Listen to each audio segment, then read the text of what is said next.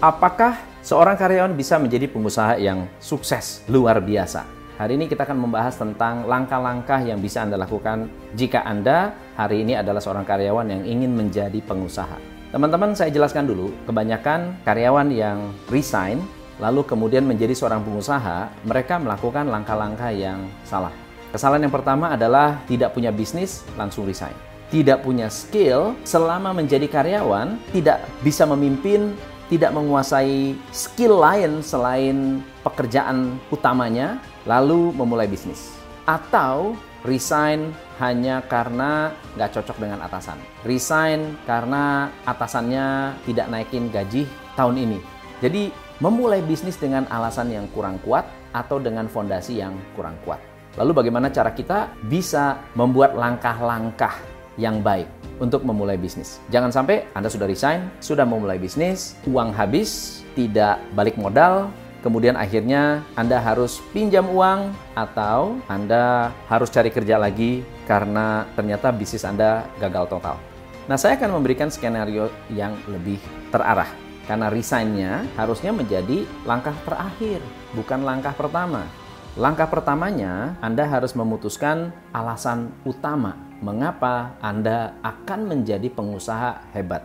Mengapa Anda tidak menjadi karyawan dengan jenjang karir yang tinggi? Anda harus tanya, loh kenapa ya saya jadi pengusaha? Kenapa saya tidak memilih untuk memiliki jenjang karir? Mengapa posisi saya mentok?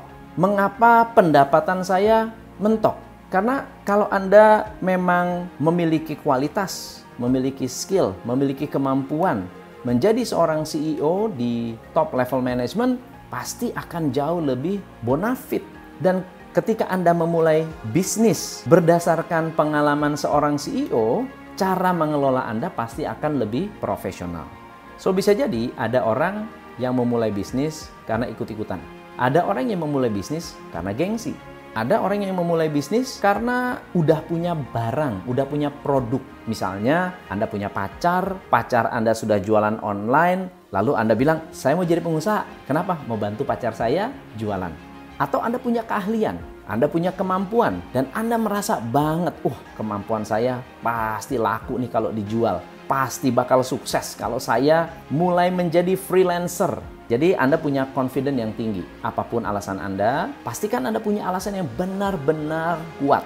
Yang kedua, apakah ketika Anda resign, Anda sudah memiliki empat skill yang harus Anda kuasai dalam bisnis. Skill yang pertama adalah leadership, skill yang kedua marketing, skill yang ketiga finance, dan yang keempat networking.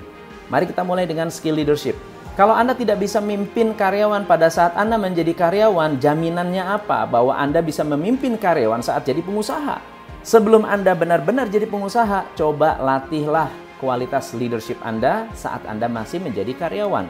Bangun kualitas leadership, bangun respect karyawan kepada Anda agar pada saat Anda memimpin di perusahaan Anda sendiri, Anda tidak akan bilang, wah susahnya ngatur orang.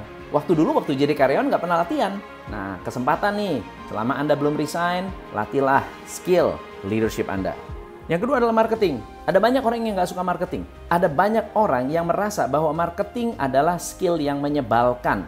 Harus ketemu orang, harus kreatif, harus tulis iklan, harus mengerti teknis, harus posting. Repot luar biasa. Apalagi sekarang harus live streaming. Aduh, repot, malas. Suruh orang aja. Kalau Anda malas marketing, jangan bisnis. Kenapa? Karena bisnis is selling. Nggak bisa jualan ya jangan bisnis. Atau Anda belum bisa marketing, mendingan jangan resign. Nah yang ketiga adalah mengatur keuangan pribadi. Kalau Anda tidak bisa mengatur keuangan di bisnis, karena Anda tidak tahu cara mengelola keuangan pribadi Anda, bisa jadi bisnis Anda akan kacau hanya karena mismanagement sering kekurangan uang, pengeluarannya kecampur-campur, uang pribadi dengan uang perusahaannya campur aduk, dan akhirnya membuat bisnis Anda kacau balau. Dan yang terakhir adalah networking. Networking ini adalah skill yang akan membantu Anda mendapatkan investor, supplier, customer, dan manager. Networking ini ilmu yang wajib Anda latih sebelum Anda resign. Yang ketiga adalah kuasai sistem. Apa itu sistem? Sistem adalah kemampuan Anda mencapai hasil dengan mengkoordinir berbagai aspek di dalam bisnis. Saat Anda masih menjadi karyawan, Anda bisa mengerti apa yang membuat perusahaan Anda sukses. Sistem apa yang mereka gunakan sehingga perusahaannya sukses. Dan Anda mulai berpikir, kira-kira kalau saya keluar, saya resign, saya memulai bisnis, bagaimana cara saya mensistemasi bisnis agar bisnis bisa berjalan tanpa Anda? Skill yang keempat atau planning yang keempat adalah nabung dana darurat. Buat apa nabung dana darurat?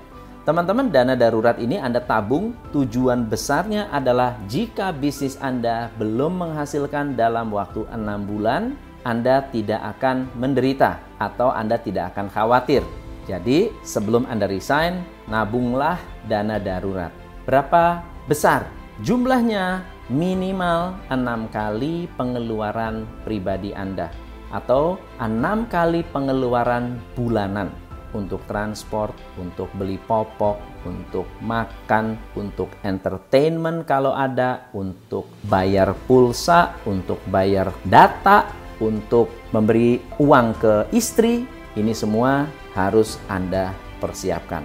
Nah, yang terakhir adalah resign. Anda sudah punya alasan yang kuat, Anda sudah punya skill, Anda sudah punya kemampuan untuk membangun sistem anda sudah punya kemampuan networking, Anda punya tabungan. Nah, sisanya adalah silahkan Anda menjalankan passion Anda, jual produk Anda, dan jadilah a great business owner.